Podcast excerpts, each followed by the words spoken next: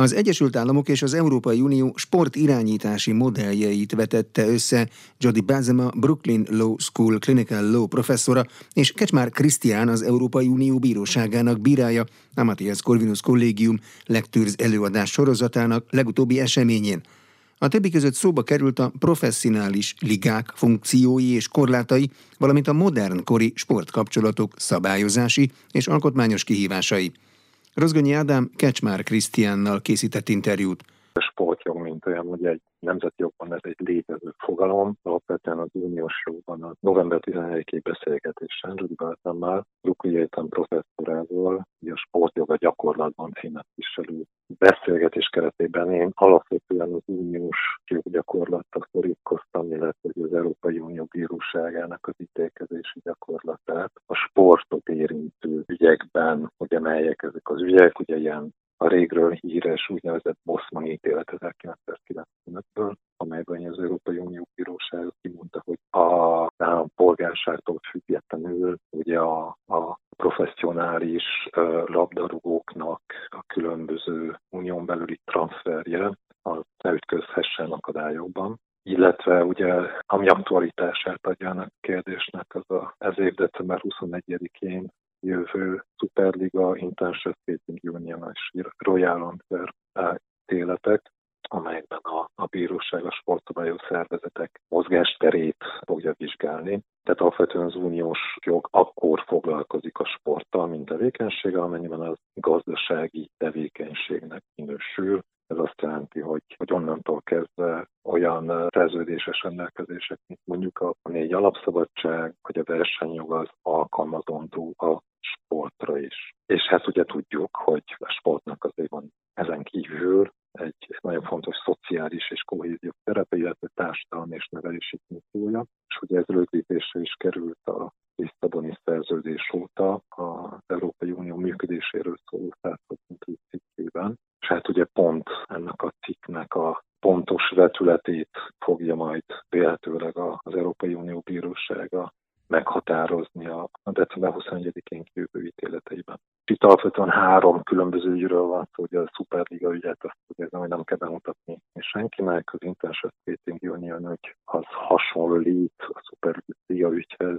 abban, abban a tekintetben, hogy ugye egy nemzetközi sportszabályozó szervezetnek az engedélyezése, hogy, hogy az ő tagjai részt vessenek olyan, olyan versenyeken, amelyeket nem az adott nemzetközi sportszabályozó szervezet bonyolít le, és hogy akkor a különböző szankciók, illetve hogy a Superliga ügyben még különböző fenyegetések azok versenyjogba ütközőek egy vezetően az a kérdés. A Royal Antwerp ügyben pedig kicsit hasonlít a Boston ügyről, egy az otthon kinevelt játékosok számának kérdése merült fel, hogy az mennyiben felel meg az uniós jognak. Hogy itt ezekben az ügyekben megjöttek a főtanások vélemények, 2022. decemberében a Superliga, illetve a International Skating Union ügyben a Rantost főtanácsunk véleménye jött, és a Royal Antwerp ügyben pedig Spummer főtanácsok véleménye 2023 márciusában. Alapvetően mind a három ügyben ugye az EUMS-nak, a, tehát az Európai Unió működéséről szóló szerződés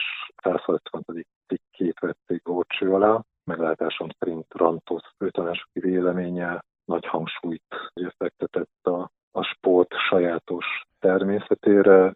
Spónár főtanácsok véleménye egy kicsit, kicsit konzervatív álláspontot képviselt ez egyben. Mind a két főtanácsok úgy látta, hogy ezt a 125-ös cikket alapvetően a sport területén a versenykorlátozások vagy az alapvető szabadságok korlátozásainak esetleges objektív igazolása, elemzése szempontjából lehet figyelembe venni. Tehát nagyon fontos azt látni, hogy attól, mert ugye egy tevékenység sporttevékenység, arra ugyanúgy vonatkoznak az uniós szerződésekből eredő kötelezettségek, mindazonáltal ugye bizonyos korlátozások, amelyek felmerülhetnek, ugye annak a vizsgálata körében, akkor valamilyen szinten figyelembe lehet venni a sajátos természetét. Meglátjuk, hogy ugye majd az Európai Unió Bírósága mit fog erre választani. Nyilván ugye úgy, úgy vár, várják ezt az ítéletet, hogy akkor most valamilyen szinten engedélyezik ezt a szuperligát, vagy sem, de alapvetően ugye az, az a jogi kérdés, ami, ami ennek a támfala,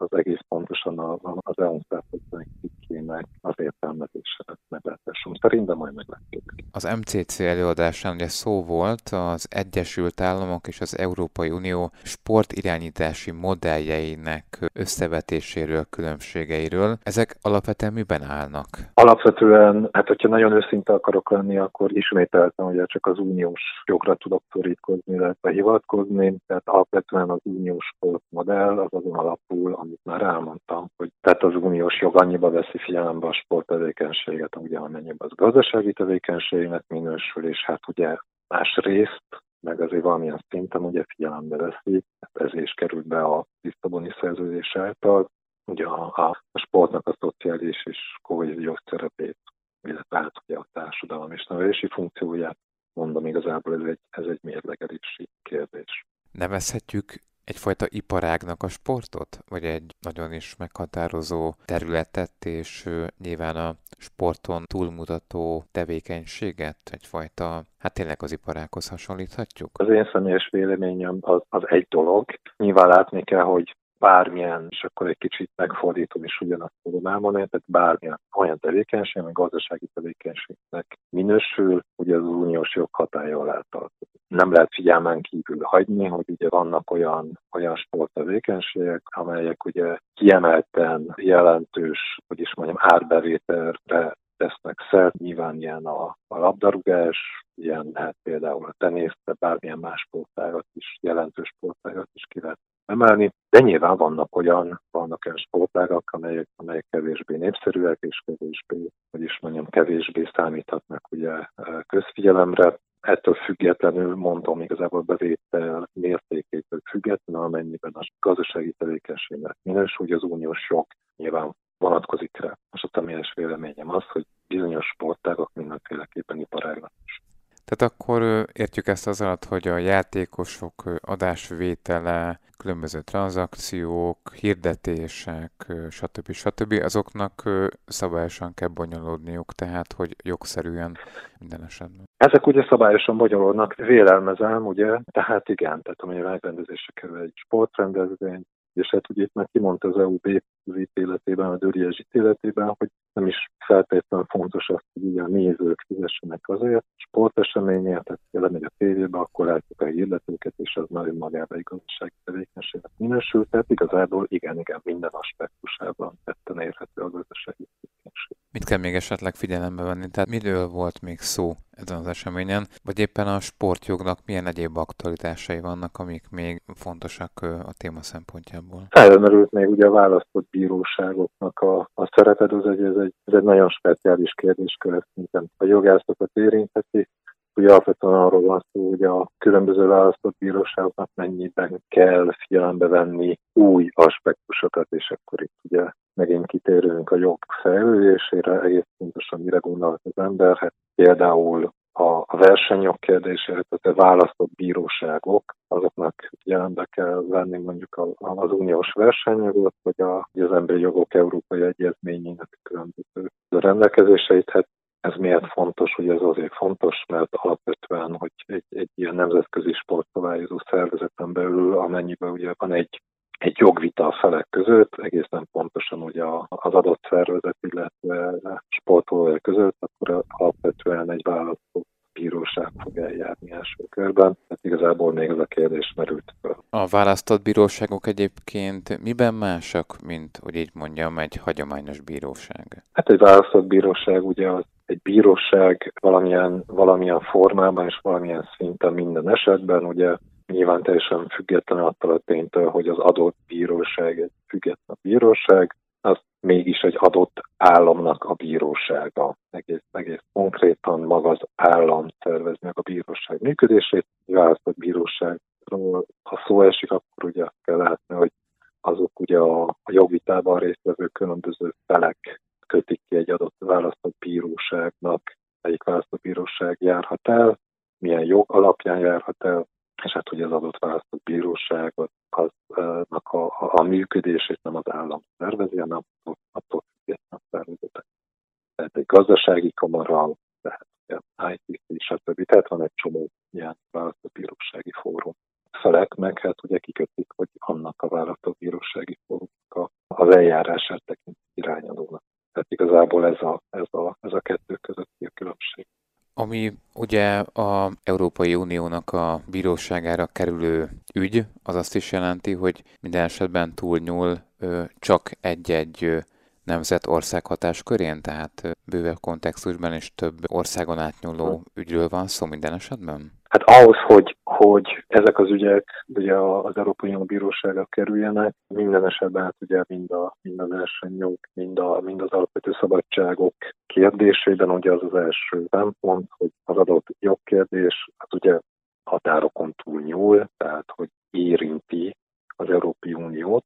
Ugye nyilván jelen esetben is erről van szó, hát ugye mondanom sem kell, hogy egy, egy, egy szuperliga ügy, vagy egy millió ügy, hogy egy Európai Unióban történő transferek kérdése kapcsán ugye egyértelmű itt, a, itt az unió érintettsége, tehát nyilván van egy ilyen, egy ilyen feltétel, de hát ugye ahhoz, hogy egy, egy ilyen ügy az Európai Unió bíróságára kerüljön, az, és jelen esetben ugye itt mind a kettő tetten érhető két, tehát van a közvetlen kereset, és van a közvetett kereset, közvetlen kereset amikor ugye már mondjuk az Intensive Skating Union ügyben ott egy bizottsági határozat volt, amit megtámadott törvényszék előtt a, a, az Intensive Skating Union, ugye törvényszéken kijött egy ítélet 2020 decemberében, és ugye azt felebezték meg az Európai Unió Bíróság előtt, még a másik két ügyben, a Superliga, illetve a Royal Antwerp ügyekben, meg előzetes döntéshozatal iránti eljárás keretében kerültek az ügyek az Európai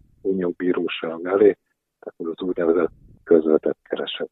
Tehát akkor jól láthatóan megvannak a különbségek, vagy inkább a sajátosságai ezen ügyeknek? Mondom, itt, itt alapvetően különböző, különböző aspektusú ügyekről beszélünk, tehát hogy ezt a három ügyet szeretnénk kiemelni, akkor, hogy is mondjam, hogy különböző fórumokon történtek az ügyeknek a, a megítélése, hát az International Skating Union ügyben, ugye, amit mondtam, egy bizottsági határozat volt, ott uh, vélelmezem, hogy ez több több éves munka volt, mire, mire ugye a bizottság jött a határozatával. A, a másik két ügyben ugye ott nemzeti, nemzeti bíróságok előtt voltak ugye folyamatban ezek az ügyek, ott nyilván nem beszéltünk sem, hogy is mondjam, ilyen feltáró eljárásról, tehát alapvetően ugye a felek érveit veszik figyelembe, illetve a bíróság elé, vagy bíróság előtt benyújtott bizonyítékok alapján döntenek ezen az ilyen ügyükben. ez bíróságok, ugye, és, és akkor amint az Európai Unió bíróság előtt van, ott, ott, ott is nyilván hogy ez van, tehát a felek érvei, a be, benyújtott bizonyítékok alapján kerül megítélésre az ügy. Kecsmár Krisztiánt az Európai Unió bíróságának bíráját hallották. A Gazdasági Versenyhivatal a Magyar Versenyjogi Egyesülettel közösen együttműködésben a Pázmány Péter Katolikus Egyetem Versenyjogi Kutatóközpontjával hatodik alkalommal rendezte meg a Magyar Versenyjogi Fórumot. Az idei fórum két fő témája a tavasszal élesedett új európai digitális piacszabályozás, illetve a versenyjog és a fogyasztóvédelem kapcsolata volt. A részletekről Rozgonyi Ádám beszélgetett Gondolovics Katalinnal, a Gazdasági Versenyhivatal sajtószóvivőjével. Mi került terítékre ezen a fórumon? A Gazdasági Versenyhivatal a Magyar Versenyjogi Egyesülettel és idén a Pázmány Péter Katolikus Egyetem Versenyjogi Kutatóközpontjával hatodik alkalommal szervezte meg a Magyar Versenyjogi Fórumot. Ez a hazai versenyjog nagyon kiemelkedő eseménye, és nagyon fontos, hiszen nagyon fontos a tudás megosztás. Ez a fórum lehetőséget biztosított a e, szakmai párbeszédre, építőjelegű szakmai vitákra. Az idei fórum egyik e, legfontosabb e, témája tavasszal élesedett új európai digitális piacszabályozás volt. Ez egy nagyon friss dolog, egy nagyon új dolog, úgyhogy erről nagyon fontos beszélni, megvitatni a tapasztalatokat és a, a gondolatokat ezzel kapcsolatban. A, a digitális piacok uniós szintű ágazati szabályozásának a bevezetésére azért volt szükség, mert az online tér legnagyobb big tech vállalatainak bizonyos piaci gyakorlatai egyértelműen torzították a, a tiszta versenyt, és a fogyasztók szabad választási lehetőségét is korlátozták, azonban kívül estek a versenyjog hatáján. A, a 2022. november 1-én életbe lépett új uniós jogszabály, a tagállami és uniós versenyjoggal párhuzamosan egy folyamatos ágazati piacszabályozásként működik, és így kiküszöbölheti a versenyhiányosságokat. A, egy újabb fejleménye ennek a szabályozásnak az, hogy ősszel az Európai Bizottság kijelölte a digitális világ úgynevezett kapuőreit, vagyis azokat az óriás cégeket, amelyeknek a méretüknél és piaci erejüknél fogva teljesíteniük kell az új uniós piacszabályozás szigorú előírásait. A versenyhivatalnak fontos szerepe van a szabályok betartásának az ellenőrzésében, és ahogy korábban is, ez után is kiemelt figyelmet fordít itthon a, a digitális térfogyasztóinak a védelmére. Csak hogy egy pár példát említsek, a, hogy kik is a kapuőrök, kijelölt vállalkozások, a, például az Amazon, az Apple, a Microsoft, vagy éppen a Facebookot üzemeltető Meta, Google anyavállalata az Alphabet is ilyen kapuőr. A szabályozás számos kötelezettséget ró a kapuőrökre, például a fogyasztók választási szabadsága érdekében a kapuőröknek biztosítaniuk kell a szolgáltatásukról való könnyű leiratkozást, illetve az előre telepített szoftverek eltávolíthatóságát. A másik fontos dolog, hogy tilos gátolniuk az üzleti felhasználóiknak, a, például a piaszterükön kereskedő vállalkozásoknak a platformon kívüli reklámozást, vagy üzletkötést, a szabad árazást, hogy a különböző szolgáltatások szabadon versenyezhessenek egymással. Hát így kicsit össze is foglalva ezt a nagyon fontos változást, ezt az új európai digitális piac szabályozást, ez egy nagyon-nagyon meghatározó témája volt a rendezvényünknek. De hogy átérjek a másik fontos témánkra, hogy a gazdasági versenyhivatal hatáskörében, hogy a fogyasztói védelmi kérdéseket is, fogyasztóvédelmi területen is ellát feladatokat. A másik másik fontos témánk a versenyjog és a fogyasztóvédelemnek a kapcsolata volt, és szintén egy nagyon érdekes, izgalmas párbeszéd alakult ki hatósági szakemberek, illetve ugye a vállalkozásokat képviselő ügyvédek között. Az a tudás megosztás, még egyszer kiemelem, nagyon-nagyon fontos és nagyon hasznos a szakmai munkánkra vonatkozóan. Hát itt a, az online térben megjelenő problémákról volt szó, hogyan lehet a fogyasztókat védeni,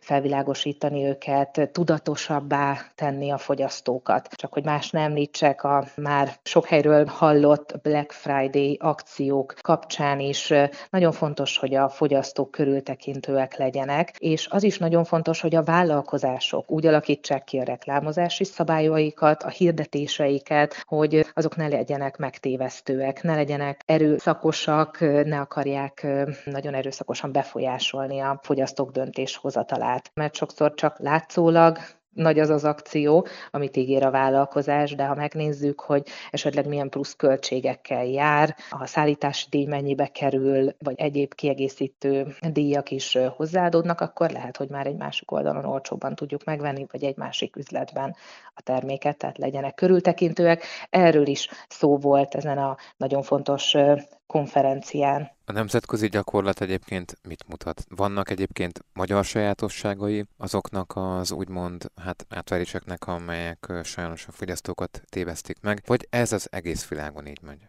A legtöbb országban ezekkel a gyakorlatokkal találkoznak a, a versenyhatóság munkatársai is. Van egy dark pattern néven elhíresült, mi csak sötét mintázatként fordítjuk gyakorlat, ami magába foglalja például azt, hogy hát olyan eszközökkel hirdetnek a, a vállalkozások, ami megtéveszti a fogyasztót, elbizonytalanítja, vagy éppen a fontos információkat nem tudja meg.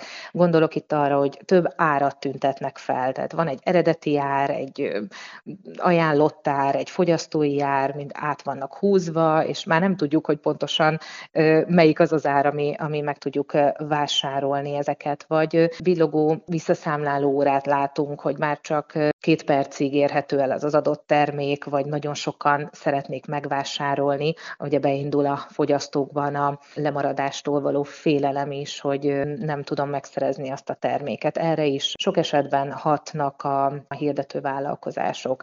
Tehát ezek a gyakorlatok külföldön és Magyarországon egyaránt megjelennek.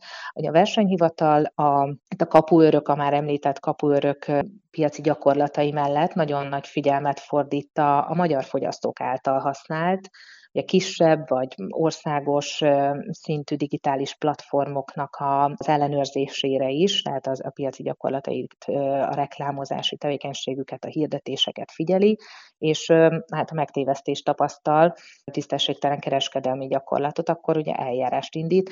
Ilyen például az EMAG vagy az ALZA, az EMAG esetében egy fogyasztói jóvátételre is sor került, egy lefolytatott vizsgálat megállapította, hogy nem adtak teljes körű tájékoztatást az akcióikkal kapcsolatban, ugye a honlapon, és a bírság mellett. Egy fogyasztói jóvátételre is kötelezte a versenyhivatal a vállalkozást, és ennek keretében több ezer forintot kapott vissza az a fogyasztó, aki a, ugye a vizsgált időszakban vásárolt az EMAG felületén, és az Alzánál ugyanezt történt, ott nem forint, hanem kredit visszatérítés történt. Gondolovics Katalint, a gazdasági versenyhivatal szóvivőjét hallották. Paragrafus. Minden, ami jog.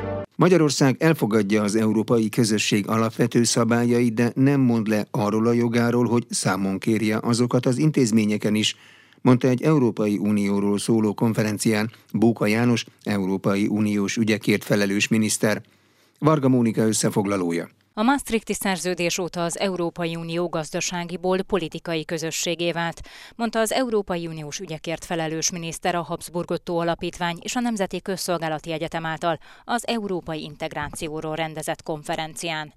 Bóka János szerint az európai integráció lendülete azonban 2004-ben az európai alkotmányról szóló megállapodás kudarca után megtört. Úgy tűnik elérte saját korlátait. Az alkotmányszerződésből próbálták menteni a menthetőt, így született meg a Lisszaboni szerződés, tette hozzá a miniszter. Kiemelte, Azóta is napirendre kerülnek szerződésmódosítási javaslatok, még ebben a hónapban is elkészülhet egy újabb javaslatcsomag. Ám ezek inkább intellektuális és nem politikai kezdeményezések. Valódi támogatás nem látszik mögöttük, így a jelenlegi uniós jogi és intézményi keret belátható ideig még velünk lesz, mondta Bóka János.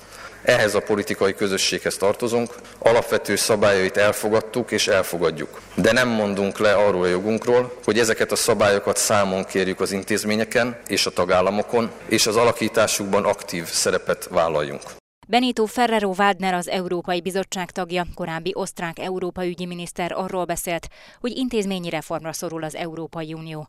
Szerinte csökkenteni kellene az Európai Bizottság biztosainak számát, hiszen ha tovább bővül az Unió, kezelhetetlenül nagyra duzzad a testület. Állandó biztosa a nagyállamoknak lenne, a kicsik biztosai rotálódnának, vázolta elképzeléseit. Szerinte lenne létjogosultsága a tagállamok fejlettsége alapján a többsebességes uniónak, de sürgette az EU finanszírozásának újragondolását is. Gyűri Enikő Fideszes EP képviselő szerint azonban jelenleg nem az ilyen ügyekről kell vitázni. Úgy látja, inkább az unió versenyképességére kellene koncentrálni.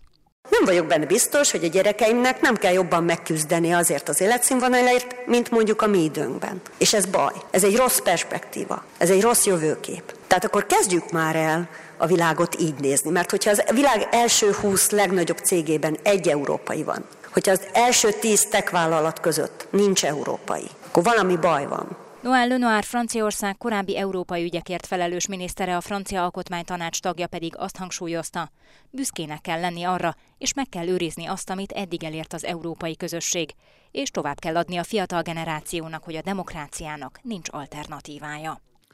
A budapesti rendőrfőkapitányság civil ruhás és egyenruhás munkatársai idén is jelen lesznek a fővárosi karácsonyi vásárokban, bevásárlóközpontok környékén. A rendőrség azonban a lakosságtól is nagyobb körültekintést kér, az ünnepekre ugyanis a tolvajok is készülnek. Bukovics Péter rendőr alezredessel a BRFK vagyonvédelmi osztályának vezetőjével Varga Mónika beszélgetett. Az egyik legjellemzőbb bűncselekmény típus így a karácsonyi ünnepekkel kapcsolatban az a zseblopás és az egyéb szabásértési értékre elkövetett lopások. Én felhívnám mindenkinek a figyelmét arra, hogyha nagyobb tömegbe megy, rendezvényre megy, akkor értéktárgyait lehetőség szerint ne hagyja látható helyen. Itt arra gondolok, hogy farmer zsebben, nadrág zsebben, oldal zsebben ne hagyjon olyan tárgyakat, telefon, pénztárca, bankkártya, amelyek kilógnak, amelyek célponttá tehetik a zsebtolvajok, illetve a tolvajok számára. Úgyhogy én arra hívnám fel mindenkinek a figyelmét, hogy lehetőség szerint az értéktárgyakat azt vagy a kabát belső zsebében, vagy pedig egy jól zárató táskában tároljuk. Illetve amennyiben például rendezvényre megyünk, de beülünk egy étterembe, akkor semmiképpen a kabátban sem hagyjunk benne értéket, hanem azokat a kabátokból is vegyük ki, és olyan helyre tegyük, amit figyelemmel tudunk kísérni, tehát ki az asztalra, vagy egy olyan táskába, amit megint csak tudunk szemmel követni, azt tegyük a lábunkhoz, az asztalra, tehát mindenképpen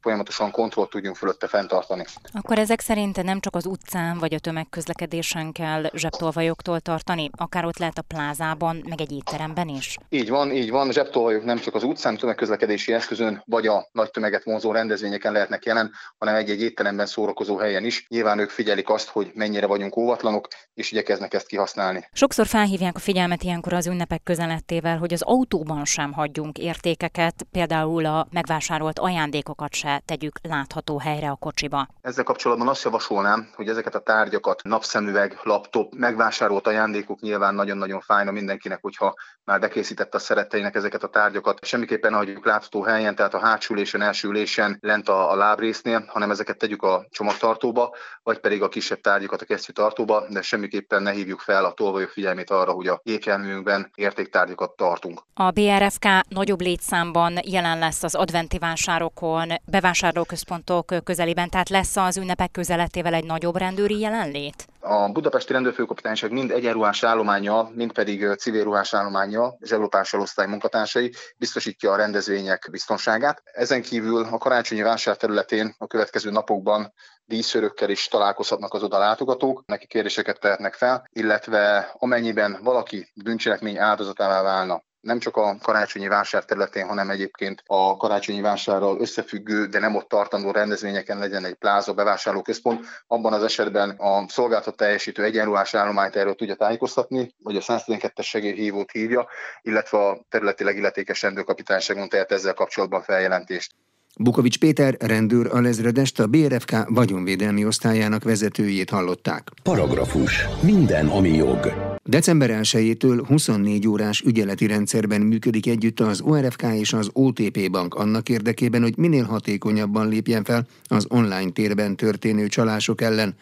Az OTP bankbiztonsági ügyvezető igazgatója az Inforádiónak azt mondta, hogy az online csalók célja a gyors pénzszerzés, az új rendszerrel ezt szeretnék megakadályozni. Sipos Ildikó kérdezte Bucsek Gábort van egy nagyon hosszú időre visszanyúló együttműködésünk van egyébként az országos rendőrfőkapitánysággal, viszont ennek az együttműködésnek érkeztünk el most egy állomásához, egy mérföldkövéhez, ami abból áll, hogy egyrészt az információ áramlást felgyorsítsuk és keretek közé rakjuk, másrészt pedig egy kölcsönös oktatás, képzés, bűnmegelőzési tematikát indítsunk el. Én azt gondolom, hogy az együttműködés egyrészt mindkét fél számára hasznos, egyrészt a rendőrség, másrészt az OTP részéről is, de talán ami a legfontosabb az az, hogy ennek az egész egész együttműködésnek a haszonélvezője az az ügyfél. Mi az, ami indokolja azt, hogy különösképpen fókuszáljanak erre a területre, tehát az online csalások megelőzésére. Nagyjából 2022 elejétől látjuk azt a bűncselekmény szám felfutást, ami napjainkra én azt gondolom, hogy jellemzi egyébként az egész bűnözési helyzetet. Ez nem más, mint azok az elkövetési módok, amik korábban egyébként az unokázós csalásként híresültek el. Nagyjából a mostani elkövetésnek a metodikája is ugyanez, csak nem telefonon keresztül és nem személyesen állnak kapcsolatba az ügyféllel, hanem telefonos kapcsolatfelvétel után után a bankszámlájáról utaltatják, vagy a bankszámlára lépnek be különböző távoli eléréseknek az alkalmazásával, illetve telepítetésével az ügyfelek számlájára. Az együttműködésnek egyébként milyen konkrét elemei lesznek? Ami a legfontosabb, az az, az, az ügyeleti rendszer, amit a bank december 1-ében létrehoz. Ez azt jelenti, hogy 0-24 órában és a hét minden napján nagyon rövid utas megkereséseket biztosítunk a rendőrség számára. Ez azt jelenti konkrétan, hogy megkeresett kereshetnek minket telefonon. A telefonos megkeresés után megkapjuk tőlük az írásbeli tájékoztatót, és erre válaszolunk vissza. Ennek a fő haszna az, hogy a bankszámlákon lévő pénzt mi azt látjuk, hogy az elkövetők nagyon rövid időn belül tovább utalják, és azzal, hogy ezt az elkövetési módot meg tudjuk szakítani, vagy meg tudjuk szüntetni, ehhez az kell, hogy minél gyorsabban észleljük, vagy minél gyorsabban kapjunk információt az elkövetésről.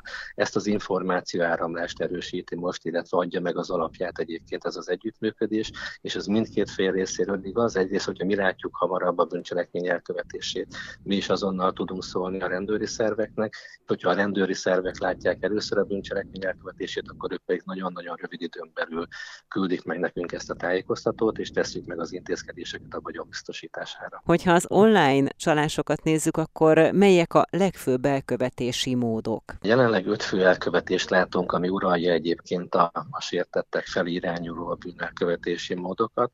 Az egyik is, ami a legnagyobb, az az, amikor a bank nevében felhívják az ügyfelet különböző indokokkal, és így csalják ki tőlük a belépési adataikat, vagy kérik meg őket, hogy egy kvázi biztonsági számlára utalják át a pénzt. Ez egy nagyon dömping elkövetési mód, igen nagy számban vannak egyébként telefonhívások az ország különböző területein belül, és ez adja egyébként az elkövetésnek a legnagyobb részét. A másik, ami domináns, illetve fajsúlyos, az az, amikor különböző internetes hirdetéseken árulunk valamit, és ezekre a hirdetésekre jelentkeznek vevőként az elkövetők. Itt egy nagyon pici informatikai tudással rendelkeznek, nem úgy, mint az elsőnél, ahol egyébként semmi informatikai tudás nem kell hozzá, és amikor az elkövetők különböző módon megkeresik a sértetteket, egy áloldalra irányítják őket, és onnan szerzik meg a belépési adataikat. A harmadik, és ami talán a legveszélyesebb, az az, amikor úgy hívják fel a sértetteket, hogy veszélyben van a számlájuk, és egy biztonsági szoftvert vagy egy vírusírtót kérik, hogy telepítsenek le. Itt valójában arról van szó, hogy egy távoli elérést biztosító szoftvert telepítetnek le az ügyfélel a saját gépére, legyen a számítógép, laptop vagy telefon, és ezzel kvázi átadja egyébként az ügyfél a telefonjának vagy a számítógépének az irányítását. Még egy nagyobb kör van, ami arról szól, hogy különböző közösségi oldalakon az emberek nagyjából mindig ugyanazzal az e-mail címmel és belépési jelszóval regisztrálják magukat. Bucsek Gábort, az OTP bankbiztonsági ügyvezető igazgatóját hallották. Paragrafus. Minden, ami jog. Jogi magazinnal legközelebb egy hét múlva jelentkezünk. Munkatársam Rozgonyi Ádám nevében is köszönöm figyelmüket, Exterde Tibor vagyok.